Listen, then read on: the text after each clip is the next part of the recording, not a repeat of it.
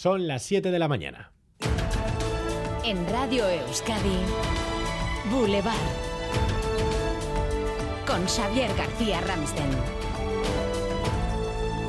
¿Qué tal, En Esta mañana visita a Boulevard el presidente del puerto de Bilbao, Ricardo Barcala, que acaba de firmar la paz social con los sindicatos tras unos muy convulsos meses de movilizaciones. Entre los retos del puerto ahora la crisis energética. ¿Se va a reforzar el envío de gas a Europa? Se lo preguntaremos a partir de las 9 de la mañana a Ricardo Barcala. Con él hablaremos también de los presupuestos generales del Estado. Ichaso Güemes. La inversión que pretende hacer el Gobierno en el puerto bilbaíno es una de las más amplias de los presupuestos. Recibirá 43 millones y medio de euros, 11 millones para la ampliación del muelle AZ1, base del primer parque eólico flotante de Euskadi, con las turbinas más potentes del mundo. La inversión en ese muelle se prolongará durante varios años hasta cubrir 32 millones de euros. A las 9 Barcala responde. Le preguntaremos hasta qué punto la incertidumbre económica actual afecta al movimiento en el puerto y qué previsiones maneja para este invierno. 13 de octubre de 2022. Hoy se cumplen 25 años del asesinato a manos de ETA del Erchaña Chema Aguirre. Faltaban cuatro días para la inauguración del Museo Guggenheim. Aguirre frustró el atentado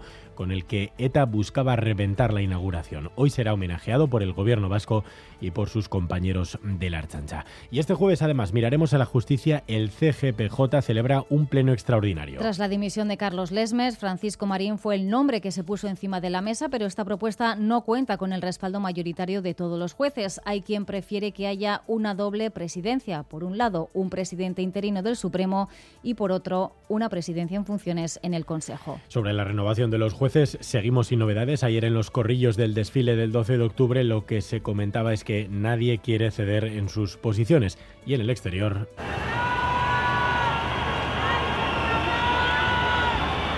Pues lo de siempre, abucheos al presidente Pedro Sánchez y aplausos a los reyes y a la cabra.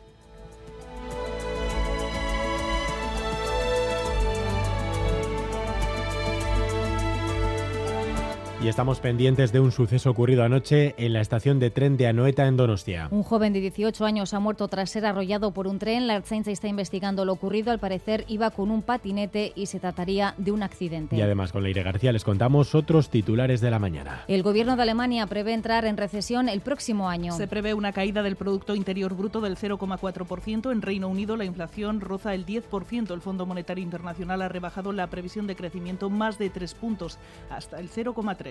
En Bruselas hoy segunda y última jornada de la reunión de ministros de defensa de la OTAN. El encuentro va a estar marcado por la reunión del Grupo de Planificación Nuclear. El secretario general de la OTAN pide más escudos antiaéreos para Ucrania. En el Parlamento Vasco, asociaciones en defensa del duelo perinatal presentan hoy una proposición no de ley para pedir que Osakideza establezca un protocolo. Estiman que el 25% de los embarazos no llega a término. Además, piden que se unifiquen los criterios cuando un bebé fallece durante el parto o en los días posteriores. Reclaman más formación para los profesionales sanitarios y lamentan que ante estos casos no se contemple una baja laboral. Osakideza refuerza el protocolo contra la sarna. Se ha registrado un incremento de casos en los últimos meses. Se ha ampliado la vigilancia tras el proyecto piloto que se puso en marcha inicialmente en la OSI Baracaldo Sestao. Se ha incorporado a la red de rastreo de COVID para actuar de forma similar e intentar limitar la propagación de los casos de sarna. Mañana viernes, especial Boulevard desde el Museo Guggenheim de Bilbao con motivo del 25 aniversario. Desde hoy todas las personas residentes en Euskadi pueden solicitar entradas gratis. A través de la página web o en el teléfono 94 555 1380. Cada persona podrá solicitar un máximo de cuatro entradas. Deberá acreditarse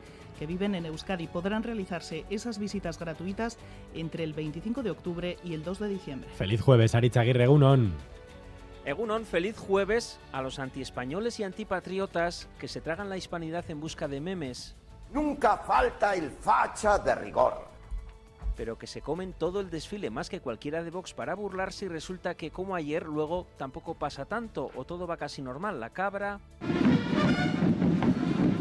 El paso de la Legión a ritmo de footing de Rajoy y poco más. Bueno, sí, la pitada al presidente que ya habéis comentado, un clásico.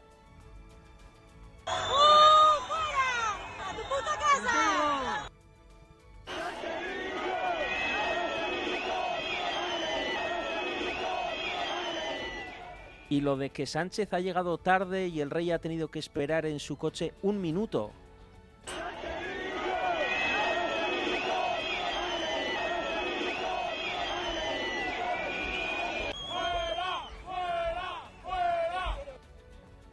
Eso, un minuto. Bueno, pues ahí fue ese minuto, pero esos abucheos que nunca faltan. Gracias, Ari, arte. Feliz jueves.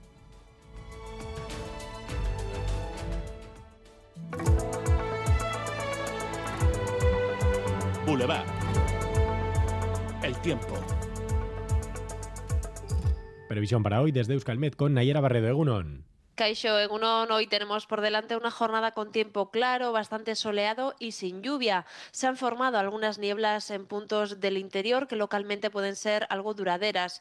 En el resto esperamos un ambiente luminoso, aunque con nubes medias y altas que taparán parcialmente el cielo. En cuanto a las temperaturas, hemos comenzado el día con ambiente más fresco que en jornadas anteriores, pero las temperaturas diurnas conseguirán recuperarse un poco y por lo tanto las máximas se moverán entre los 22 y 24 grados de forma general.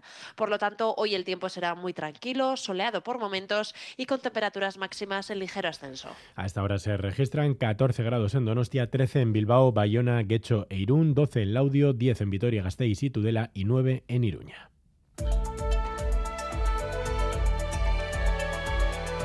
Boulevard. Tráfico.